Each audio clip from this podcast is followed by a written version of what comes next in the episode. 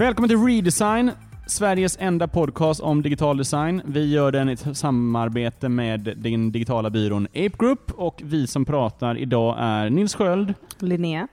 och så har vi en gäst. Ja, Vad heter du? Kiki. Hej Kiki! Tja. Vad ska vi prata om idag? Mitt exjobb. Yes. Eh, för trogna lyssnare eh, som minns avsnitt eh, 28 eh, om interna processer, vårt näst mest lyssnade avsnitt, Linnea. Mm. Ja. Eh, då, eh, prat, då sa vi att vi eventuellt skulle ta in en gäst eh, inom kort som gjorde ett exjobb här.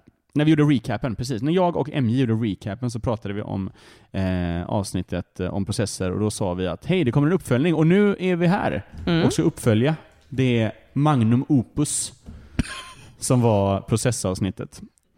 Ett eh, kul avsnitt om ett tråkigt ämne kallar vi det. Jag tror att det här kommer bli eh, roligare eh, både ämnesmässigt och avsnittsmässigt. Snabb summering av förra avsnittet. Är det någon som minns vad vi sa? Allt var skit. Eh, Allt var skit. nej, men eh, vi hade massor med problem med att dela med oss av processer och lärdomar kring processer. Och det var väl det som vi identifierade som någonting man behövde jobba på. Precis. Och Kiki lyssnade på det avsnittet. Mhm. Tänkte det här kan jag lösa. Och på den vägen är det. Och det är väl egentligen typ de frågeställningarna som vi tog upp där och de problemen som har varit till grund för ditt exjobb. Absolut. Hur bestämde du dig för ämnet? Jo, det är så, när jag kom hit så hade jag massa förslag. Ungefär kanske 12 stycken. Ja. Och innan dess så hade jag lyssnat igenom ungefär alla avsnitt i er podcast. Ja, det uppskattar vi. Eh, på ungefär dubbelt så hög hastighet. Ja, det var kul.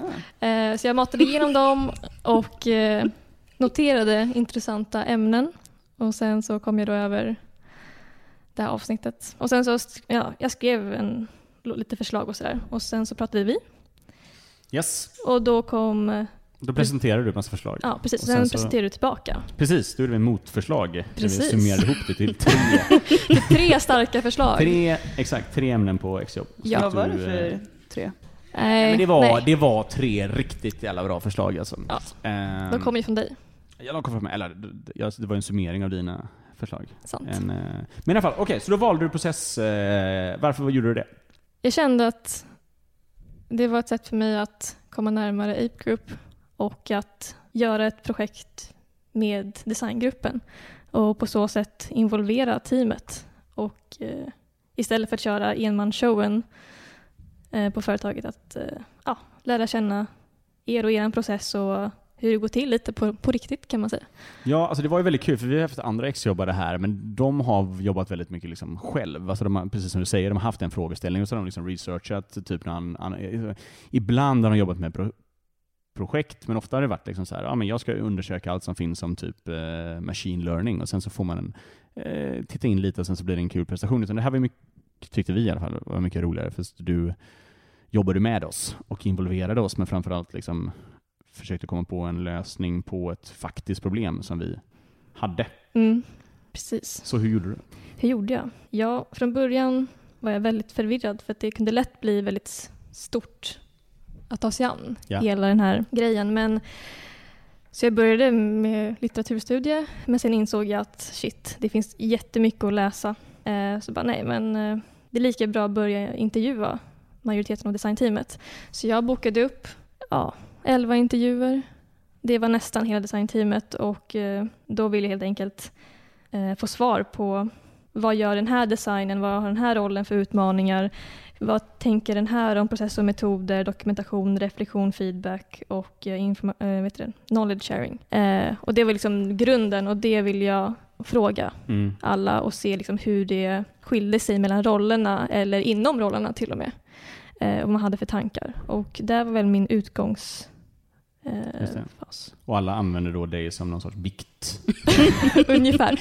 Ja, så intervjuerna, ja, de var väldigt eh, roliga faktiskt. Och, De blev eh, väldigt uppskattade. Det var bara folk som kom ut och bara ah, år av frustration. Skrikit Framförallt en copywriter kom ut, nu jävlar, nu har jag sagt ett och annat här. Bara, du, det, var, inte- det här är ju fel person att säga det. ja, jag fick ut väldigt mycket. Allt kanske inte var relevant för mitt exjobb, om vi säger så. Men eh, ja. ja, det var väldigt kul i alla fall. Det var bland eh, alltså, det roligaste jag gjorde tycker jag. Det, det la i alla fall en bra grund för mitt exjobb och därifrån fick jag en tydligare bild av vad jag skulle göra och sen hade jag någon form av ideationsfas där jag försökte Hur bestämde du dig för att det skulle bli ett verktyg? Var, var det liksom, stod det liksom i, innan du började? Du behövde, var, var du Ja. tvungen att skriva ungefär vad du skulle göra ungefär. innan du kom hit? Ja, alltså jag formulerade som att jag ville göra något, eh, ett digitalt verktyg. Ja. Men eh, det var ungefär den beskrivningen jag hade i början. Och sen, Ja, Bröt och sen mot, bekräftades eh, väl det lite. Just det. jag. Och, och då, då hade vi, intervjuerna. när du gjorde den här desk researchen också så hade vi hit, eller inte exakt liknande men ändå så lyssnarna förstår ungefär vad vi pratar om. Det vi hade, jag säger vi för att jag var din eh, handledare, men eh, det du hade, eh, det var typ så här, eh, Hyper Island har gjort en väldigt fin eh, sida om typ aktiviteter, eh, där de listar massa ehm, Ja, metodkit kanske. metodkit, precis, och IDEO har gjort den. Det finns massa sådana som är väldigt fina. Precis, men de är väldigt självständiga. Så de har bara sin, de här metoderna upp och ner. Jag tänkte att man kanske kan göra någonting mer Mm. med det än att bara vara information som bara ligger där. Mm, exakt. Ja. Så något sorts liksom, okej, så, så, så briefen eller ingångsvärdena, det var ju som att någon sorts informationskälla, typ eh, vilka metoder vi jobbar med, hur vi jobbar, men också väldigt skräddarsytt för Ape Groups design team. Och också något sorts levande, för det var väl en viktig frågeställning som vi pratade om väldigt mycket om i början, var så här, hur får vi det här, hur får vi folk att använda det här? För det är vanligt när man bygger Precis. produkter. Och, och mycket var så här, vem ska det vara för? Ja, Vilka, vem, vem skulle det passa för och hur skulle den kunna använda det här verktyget? Vad skulle det gynna den personen? Och kan det här breddas till designteamet? Hur kan resterande av designteamet ta del av det här? Vad skulle vara intressant? Eh, och det var väl på den vägen det var.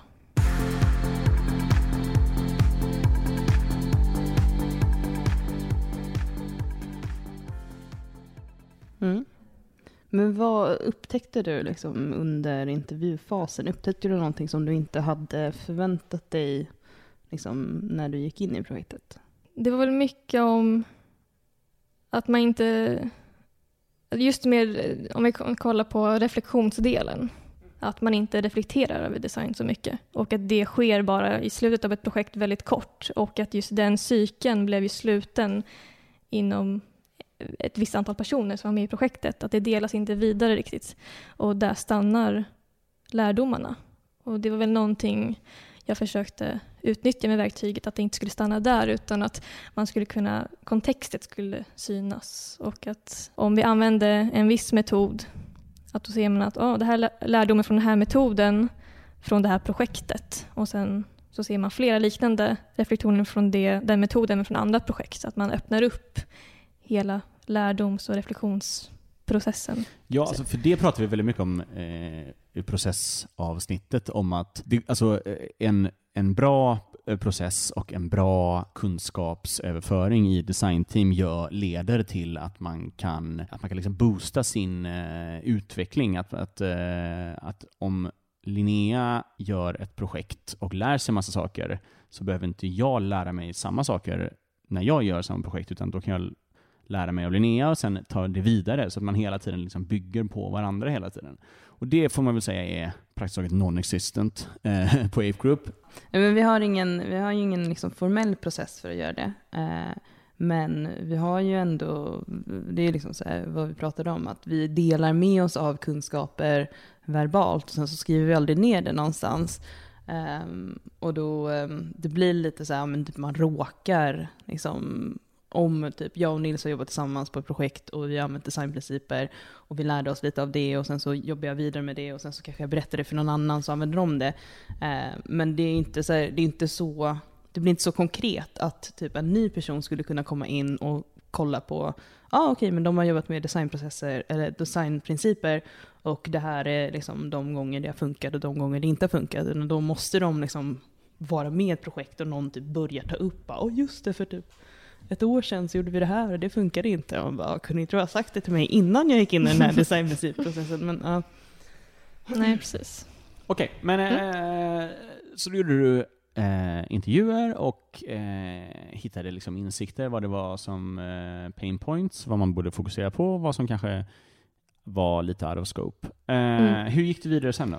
Ja, och sen försökte jag ta reda på liksom, varför ska jag ens bygga ett digitalt verktyg? Varför ska det finnas här på Ape Group? Och sen vem ska det vara till? Och hur ska man kunna uppnå sitt mål i det här verktyget? Och vad ska det vara? Det var ungefär det jag försökte besvara då. Eh, och det sista, eh, vad, hade vi en eh, workshop med den utvalda målgruppen, vilket var Design Directors. Just det. Bra. Då kan vi, hur kom du fram till eh, det? Det tycker jag är en av de eh, viktigaste insikterna från ditt exjobb. Mm. Att du ganska tidigt efter intervjuer sånt bestämde dig för att eh, du valde ut en, en målgrupp. Precis. Dels så var det ju för att design directorn här på Ape Group har väldigt mycket ansvar över själva processen. Eh, vad som ska ske och har, liksom, har en överblick helt enkelt över projektet. Eh, och därför skulle det passa väldigt bra. Eh, och sen så tyckte jag även att eh, de intervjuerna hade liksom liknande reflektioner och tankar och lite utmaningar som jag var ute efter eh, när jag inledde mitt exjobb. Så jag tyckte de skulle klaffa bra överens. Eh, så därför valde jag ut just den målgruppen. Just det. Sen, eftersom jag tillhör målgruppen, jag tror också att du, du valde rätt för du valde också liksom den... Så här, Linnea skulle kunna använda det här verktyget för hon vet vad vi har för process och hon eh, tycker det är viktigt med retrospektiv och, så, och sånt. Men eh, hon är ganska ensam i, om, om det. Eh, medans eh, Alltså jag tror att så här, eh, design directors och i deras liksom, arbetsuppgift så tror jag man kan tvinga dem att använda det här verktyget. Eh, det, det, och jag tror att, vi kommer komma till det sen, liksom, men eh, jag tror att eh, det, det, var väldigt smart tror jag, och väldigt tidigt liksom, fokusera på en del som primärt och sen eh, ta resten av eh, designgruppen som liksom en sekundär Ja. eh, målgrupp som är främst inf information. Mm. Jag delade ju upp dem, vilket jag behövde göra för jag hade ju kanske inte så lång tid på mig att göra de här grejerna. För att efter att eh, vi hade workshopen satte jag igång med att skissa, gjorde wireframes, gjorde olika prototyper, testade de här prototyperna och sen ungefär där så började jag också att utveckla det här. Ja, precis. För du byggde en hel eh, du byggde en prototyp. Yes, Det hände. Designade och byggde. ja, väldigt satsigt för ett exjobb. Ja. Eh, och göra allt det här själv. Eh, och lite så här ångesten över, kommer jag verkligen kunna utveckla det här, eller det jag vill i slutändan? Eh, och sen så var det ju, det kanske var två, tre veckor jag ägnade mig åt att utveckla det. Och sen så var det ju skarpt läge liksom i ett projekt som var på Ape Group, där båda ni var med. ja. Ja. Eh, det kan vi prata om snart, men du, jag, prata lite mer om hur du utvecklade produkten. Eh, det var ju webbaserat eh, och jag eh, utvecklade det bara för att de skulle använda det på ja, datorgränssnittet. Eh, använde Angular och Firebase som bas. Ja, Nice. Varför använder du Angular och Firebase? okej. ja, men Angular för att eh, det jag hållit på med tidigare i, under min tid på KTH. Det var ungefär ja, två år sedan, så jag bara, det är lugnt. Jag har gjort massa projekt, inte massa, men jag har gjort projekt jag tidigare, jag känner mig bekväm. Sen skulle jag börja och bara, shit. så jag kommer inte ihåg ett skit nästan. Kollar tillbaka på min gamla kod och bara, ja men jag, jag tar den här och bara stryper koden. Eller så här, vet, man tar exakt det projekt man hade, men bara stryper ner det. och sen bara, det här är fan inget bra. Och sen, eh, ja.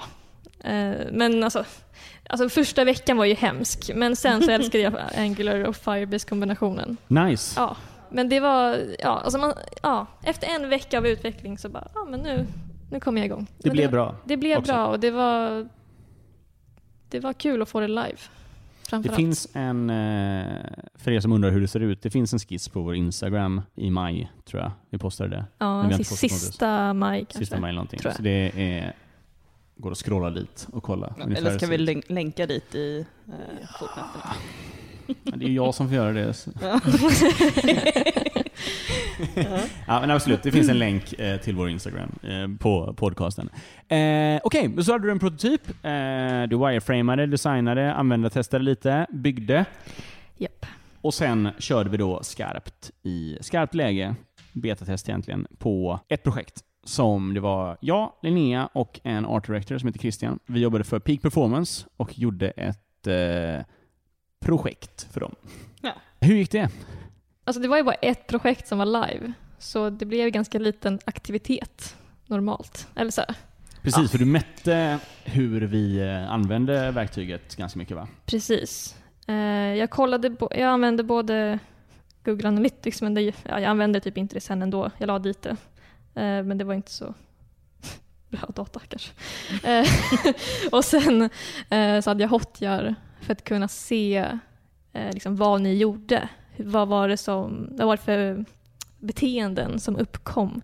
Vad var det ni hade problem med? Vad var det som vilka funktionalitet var det som användes och när? I början på projektet i slutet? Ja. Eh, ja, det var väl det jag kollade. Ja, precis.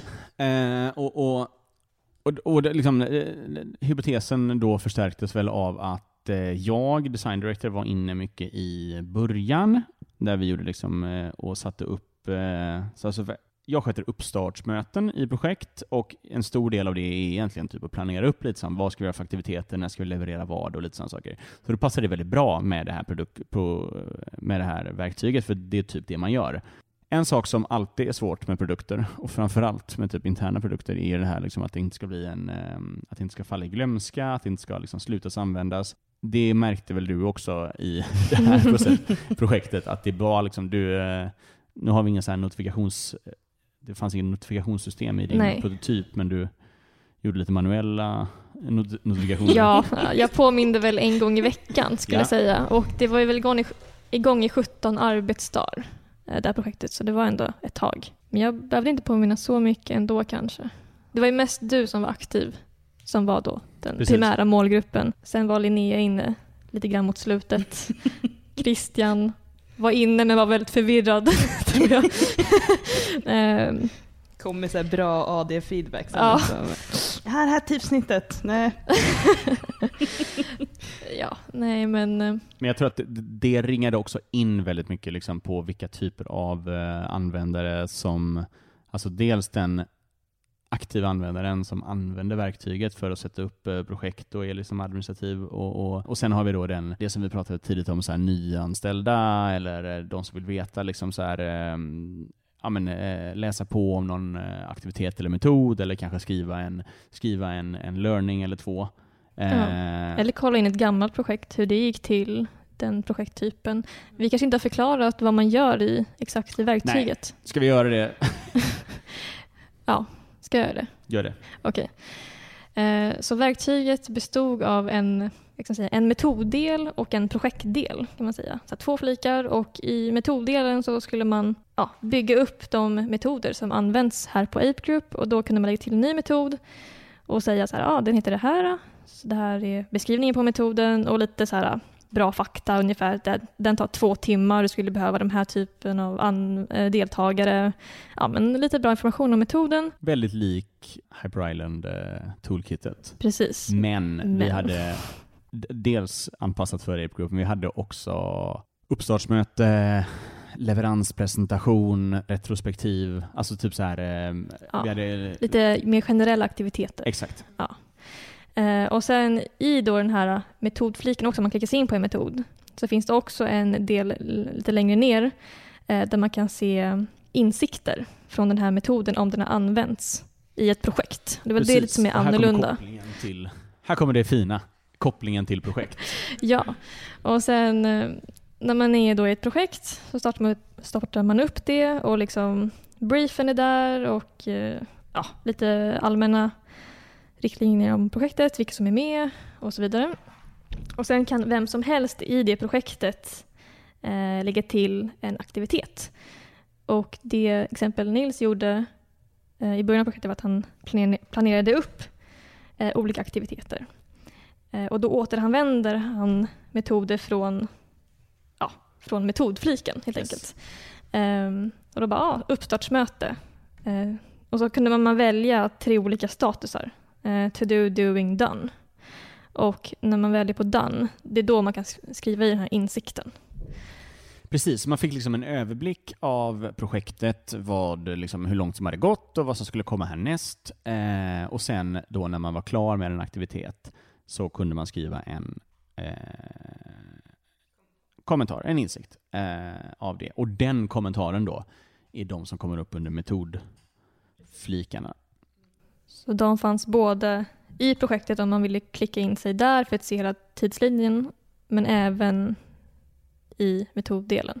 Om man bara ville kolla i, i kontext med metoden Mm. och inte i projektet riktigt. Eller, ja. Så det Ja. var väl det. Ja, en enkel liten, eh, ett litet verktyg, men eh, väldigt, eh, väldigt fint.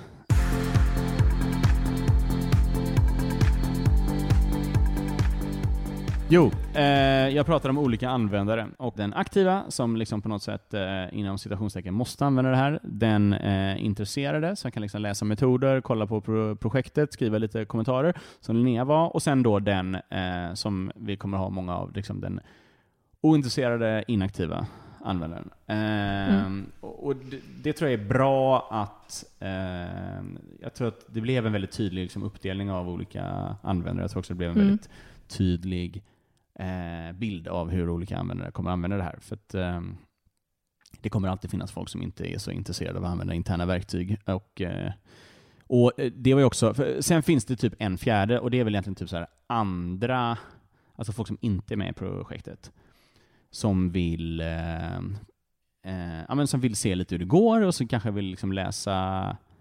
Eh, för, för, för ett... För du frågade en annan design director om den skulle kunna använda verktyget på ett annat projekt, eh, varav den då liksom... Jag tror att... Eller så här, han började och sen så sa han jag pallar inte för att jag klarar... Alltså, Ja. Den gör ju ingenting nytt Nej. verktyget och det är en utmaning alltid. Ja, han argumenterar lite att den hjälper mig inte att gå framåt i projektet riktigt. Alltså, men den hjälper ju att bevara vår process inom Ape Group, men det, den nyttan ses inte riktigt i den stunden. Och det är väl det som var problemet. Precis, när man väl använder det så går det snabbare att bara skriva in det i Keynote eller bara skriva ner det för hand. Och det var ju så också det som Art Directorn sa, att så här, jag får ju reda på allt det här i möten. Eh, om Ja. jag inte vet vad det är för nästa grej vi ska göra så kommer ju Nils att berätta det. Ja. eller så bara vet jag det, för jag har gjort det här tusentals gånger. Eh, och det är ju sant. Eh, men det de inte tänker på då är ju att det finns andra personer som, eh, som också vill eh, lära De- sig de, det de vet. Ja, exakt. Och man tänker inte på att de kanske egentligen skulle gynnas av att lära sig av vad de andra vet. Eh, Så det är det, är det som är liksom det fina med att dela lärdomar om projekt. Eh, Att man, man faktiskt har liksom så här, ja, du kan få alla, du behöver inte göra om samma misstag. Det är det. Det är det som blir så viktigt. För jag tror att det är jätteenkelt att säga så här, men jag kan det här, jag har gjort det här hundra gånger, jag vet hur det går till. Men samtidigt så har någon annan liksom varit i en specifik situation där det de har lärt sig kanske skulle ha gynnat dig, men du visste inte det. Så du gick in i den här situationen helt oförberedd och så gör du bara om samma misstag igen. Och det är bara onödigt. Eh, och då är så här, hela teamet gynnas av att liksom, ta med den lärdomen och kunna utveckla den och sen kunna ha mer detaljer om så här, okej, i de här situationerna gäller det här, i de här situationerna gäller det inte. Nej men exakt. För om vi ska pr prata om liksom resultaten då från din, ditt exjobb. Ehm, för en fråga man alltid ska ställa sig, något som vi brukar säga till våra kunder, eh, ska du verkligen göra en app? Eh, och vi är en produktbyrå, eh, men det man verkligen ska ställa sig innan man bygger ett internt verktyg är, behöver vi verkligen ett verktyg för det här? Det kanske räcker med en checklista som vi skriver ut och som vi ger till alla i början av varje projekt och så får det liksom vara, eh, eller så bara utbildar vi en chef att ha koll på att alla bara följer processen. Alltså det finns massa sätt att göra det här som inte är ett digitalt verktyg som man måste utveckla, underhålla och liknande. Eh, men det är ju den här sökbarheten. Det är ju den här eh, åtkomsten, att det sparas för alltid, att man kan liksom eh, och att man också eh, ja, att man också liksom, att alla kan se det liksom när de vill. Okej, men eh, det var bara en sido... Eh. Ett resultat var att du kom fram till ganska tidigt att man skulle, alltså man skulle vad heter det, dela upp målgruppen på olika delar och behov och sen liksom, så fokuserar du på en eh, liten del, där du liksom, eh, som du trodde skulle vilja ha störst nytta av verktyget. Och eh, egentligen utformar det för dens behov. Ja, mest. Det fina som kom fram i alla fall tyckte jag eh, var ju att eh, det var du som använde det mest eh, och att du nämnde att du ändå tyckte att du reflekterade mer över liksom, aktiviteterna och du planerade mer och du skrev mer om designaktiviteter, vilket var positivt. Ja, exakt. Eh, men, precis. Alltså uppstartsmöten är väldigt viktiga möten och retrospektiv är väldigt viktiga möten. Eh, och de, jag har varit på väldigt många dåliga sådana och också väldigt många bra. Jag har hållit i väldigt många dåliga och väldigt många bra. Men eh, för just det här att det här var ändå ett verktyg som där, där man kunde liksom planera, man behövde eh, du behövde inte liksom göra om eh, projektplanen varje gång du skulle eh, göra det i en keynote, utan du kunde liksom så här planera upp det eh, i verktyget och sen kunde du eh, väldigt enkelt när man skulle ha retrospektiv se väldigt tydligt hur, vad man hade gjort. Och så var den här sido... För det som var lite svårare eh, att få till var ju den här att under tiden av projektet, så här, nu var vi klar med omvärldsanalys, check. Nu ska vi börja med... Det är inte riktigt så det funkar liksom, om man inte har leveranser mot kund. Men, men då var ju den här att man kunde först skriva liksom en mini-mini-retrospektiv eller feedback på varje aktivitet när den var liksom avklarad, vilket var faktiskt ganska bra, för det var liksom små grejer som man, som man tänkte på. Jag glömde att eh, starta upp en Slack-kanal på uppstartsmötet. Typ små grejer liksom som hela tiden gör att, man, att det blir bättre. Så det fungerade väldigt bra.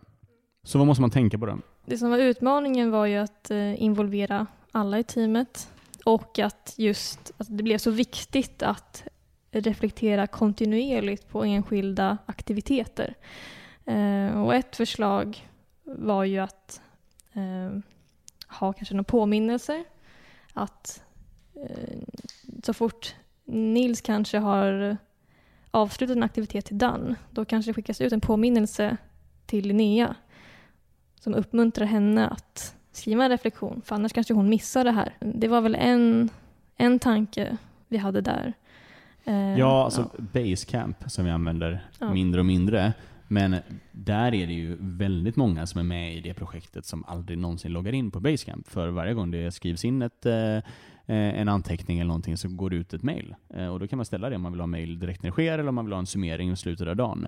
Eh, och Jag tror att det här är en samma sak. Alltså väldigt många behöver inte logga in på det här verktyget, utan behöver bara liksom bli informerade. Och sen om man ser då, shit, vad fan, det här var ju det här grejen gick skitdåligt, eller det här gick asbra, eller Nils kommentar är ju helt galen, då ska man lätt kunna liksom hoppa in, skriva sin egen kommentar. Um, och det är inte något dåligt. Det är dåligt om man kollar på bara besöksstatistik, men, men eh, det kan vara jättebra. Det kan vara folk som har jättestor behållning av verktyg där man bara blir informerad. Ja. Men, eh, för det är ju verkligen så här, eh, om Problemet med att introducera nya verktyg till liksom, designgruppen generellt har ju varit att här, ja, man orkar inte.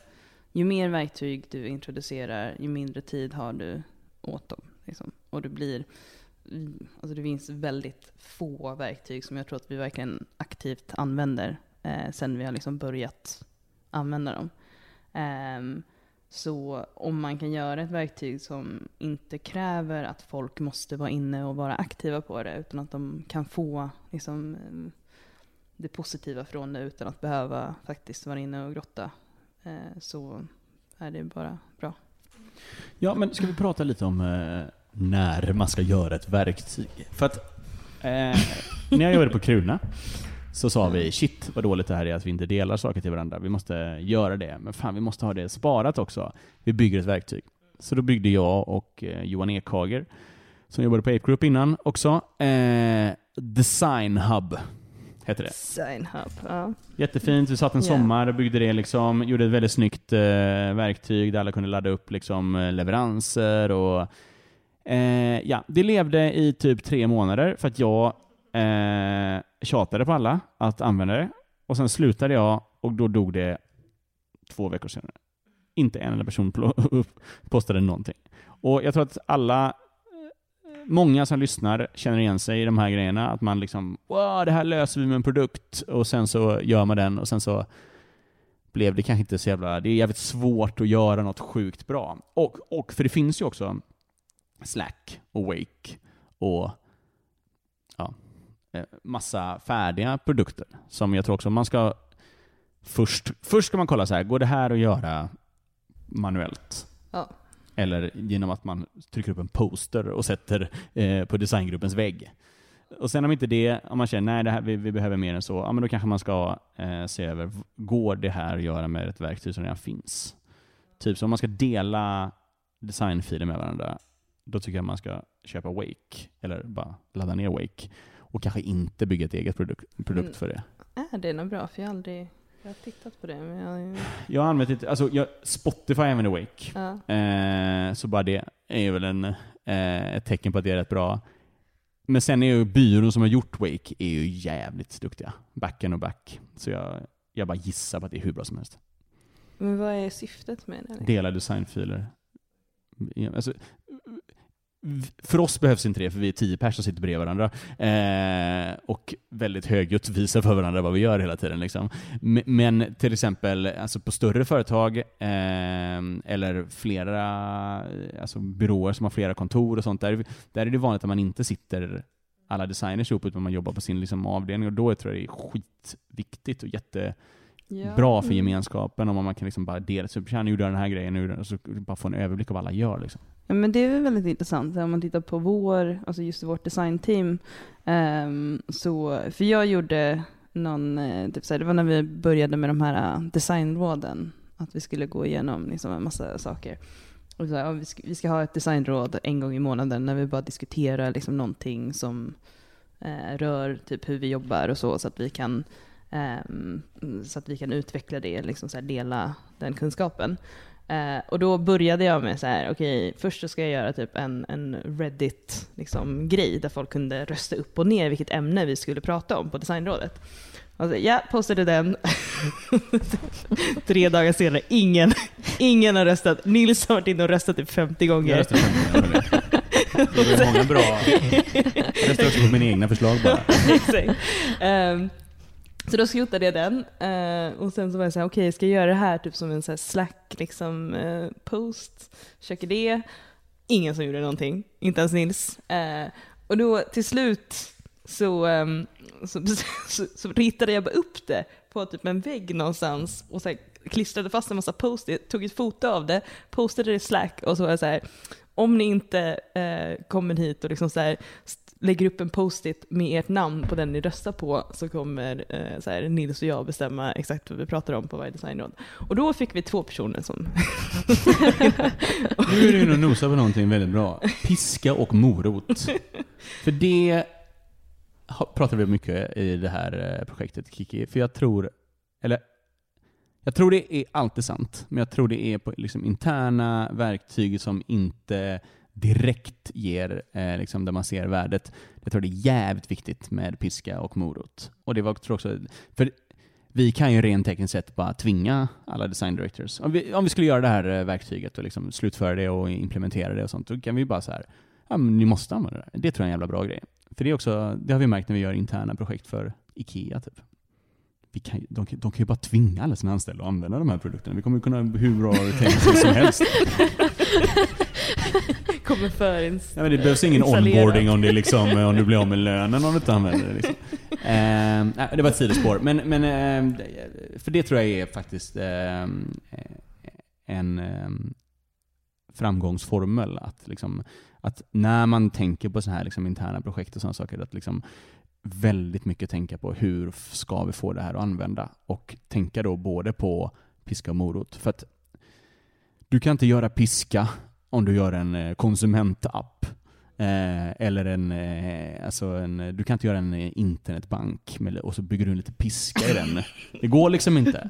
tappar Eh, 10 öre varje gång ni klickar Ja, men, fel. liksom, nej, men det funkar liksom inte för Ja. kunden har alltid rätt att att använda den och sådana saker. Men, du kan, men när du ska göra interna projekt, när du ska, alltså när du ska göra produkter där liksom, bara för dina anställda, då kan du lägga in piska. Piska är en jättebra grej. Eh, ibland. Ja. Hot, det är det, är det Hot viktigaste. ja. Men också ett stort värde. Ja.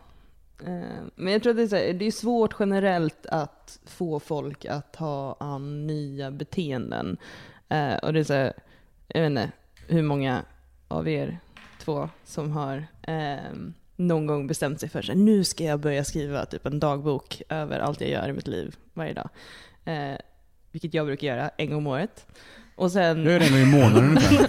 Ja, och sen så, säger, så skriver jag typ tre dagar, så januari, första januari, andra januari, tredje januari och så bara pff.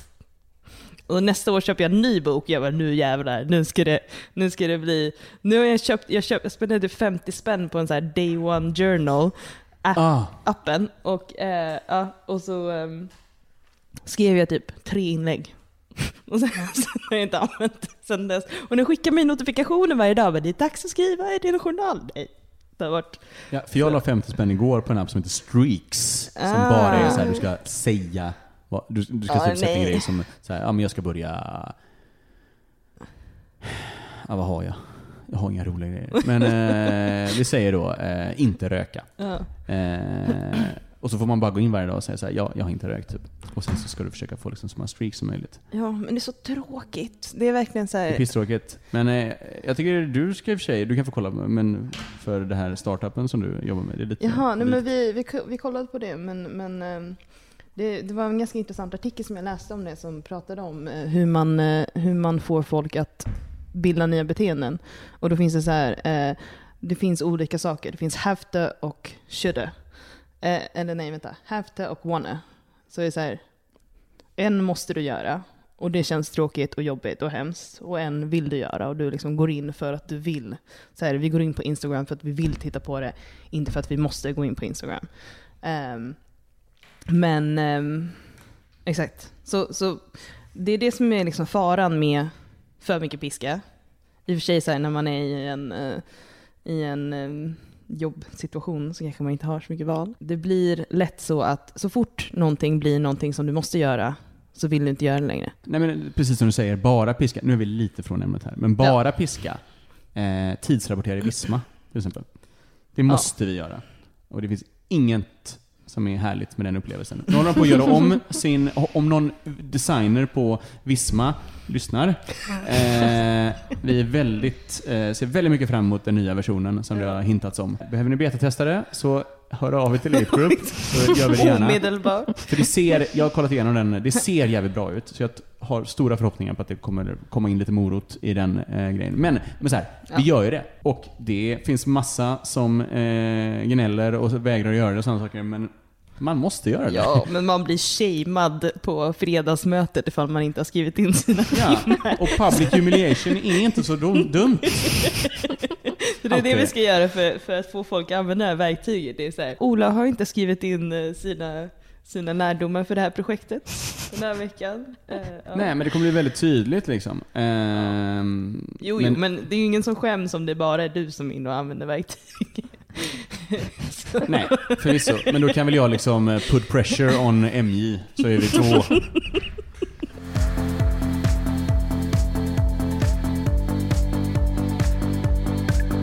Lite smått wrap-up då. Eh, Men jag har en, jag har en, eh, en offshoot till Kiki. Ehm, lärde du dig någonting om designprocesser genom att göra det här projektet? Alltså jag lärde mig mer om hur folk värderar designprocessen kanske. Kanske inte om processen i sig så, men att det är väldigt eh, olika från roll till roll och person till person. Vad, alltså, när vi pratade mycket i början där så det var antingen att man pratade generellt om Ape Groups eh, olika processer, olika projekttyper eller så var det att man verkligen förklarade sin personliga process Eh, och att det skilde sig väldigt mycket där. Och att det kanske lyste igenom att alla kanske inte kan den generella processen men har väldigt bra koll på sin egen process i ett projekt. Eller så här, förstår ni vad jag menar? Ja, alltså det finns ju några som kanske inte är direkt process lovers eh, på designavdelningen. Eh, eh, kanske inte lever och andas eh, vår gemensamma designprocess eh, så som vi gör. Eh, nej men absolut, precis som du säger. Alltså det, det finns ju eh, många som tycker det där bara är hittepå. Och, eh, men det var ju också några som sa så här, det, jag har ingen process. Vilket är omöjligt. Det är omöjligt Det att ha var en process. det. Men går- de, ja, Nej, men, eh, det Man att- upplever att man inte har den för att man inte tänker på den. Eh, och det var ju, ja, det är också ett svar men Ja, och det är ju också helt okej att, att, att, att jobba så. Liksom. Du måste inte... Men det är också så här, man behöver inte fylla i saker i...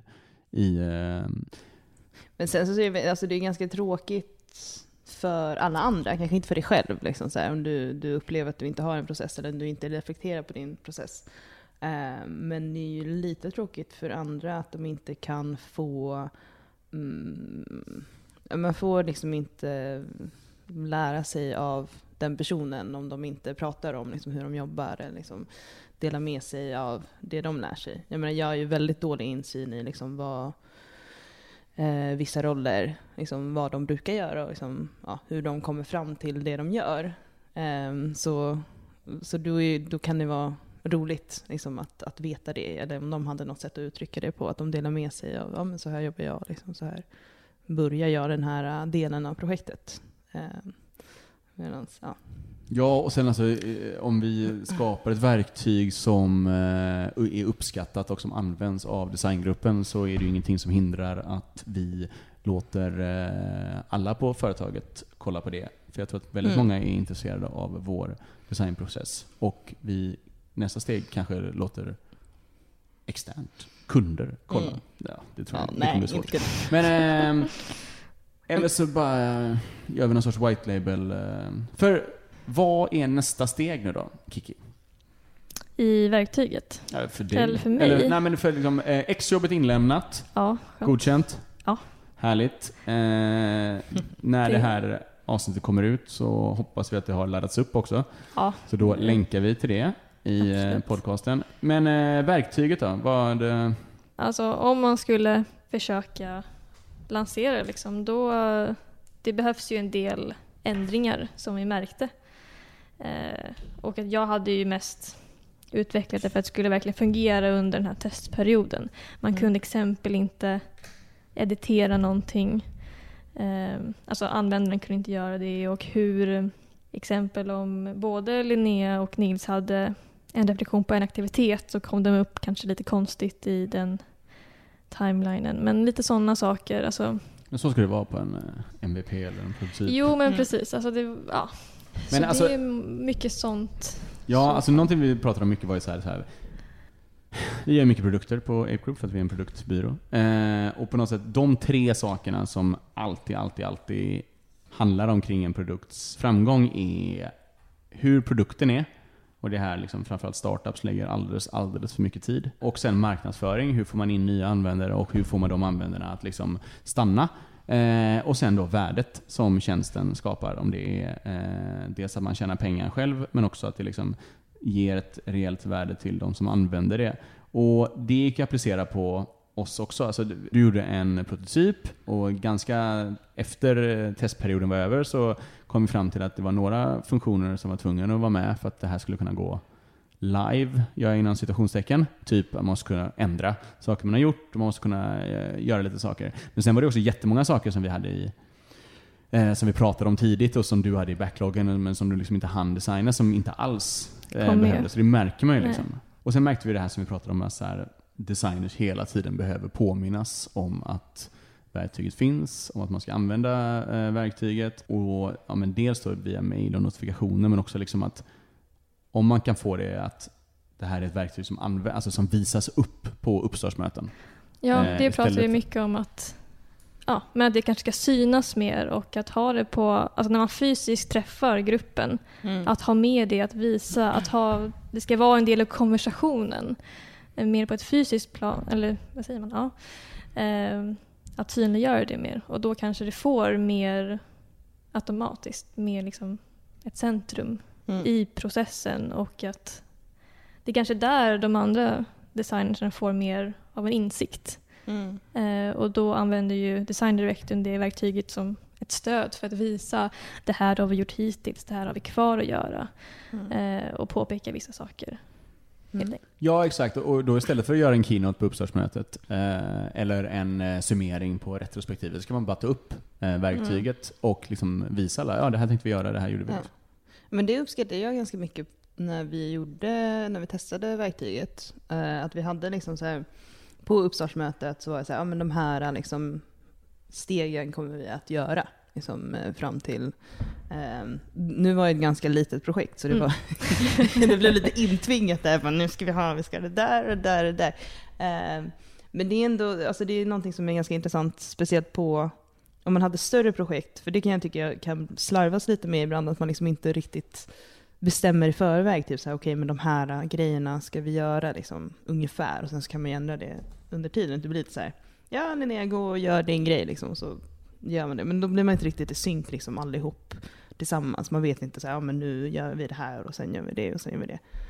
Um, så det kunde vara, det var någonting som skulle kunna utvecklas, liksom att man till exempel att man sitter och planerar tillsammans då, liksom, både design director och de som ska vara med i projektet. Ah, okej, men vi tror att vi kommer behöva göra det här och här och här och liksom så här lägga upp det i tidslinjen och se om det känns bra.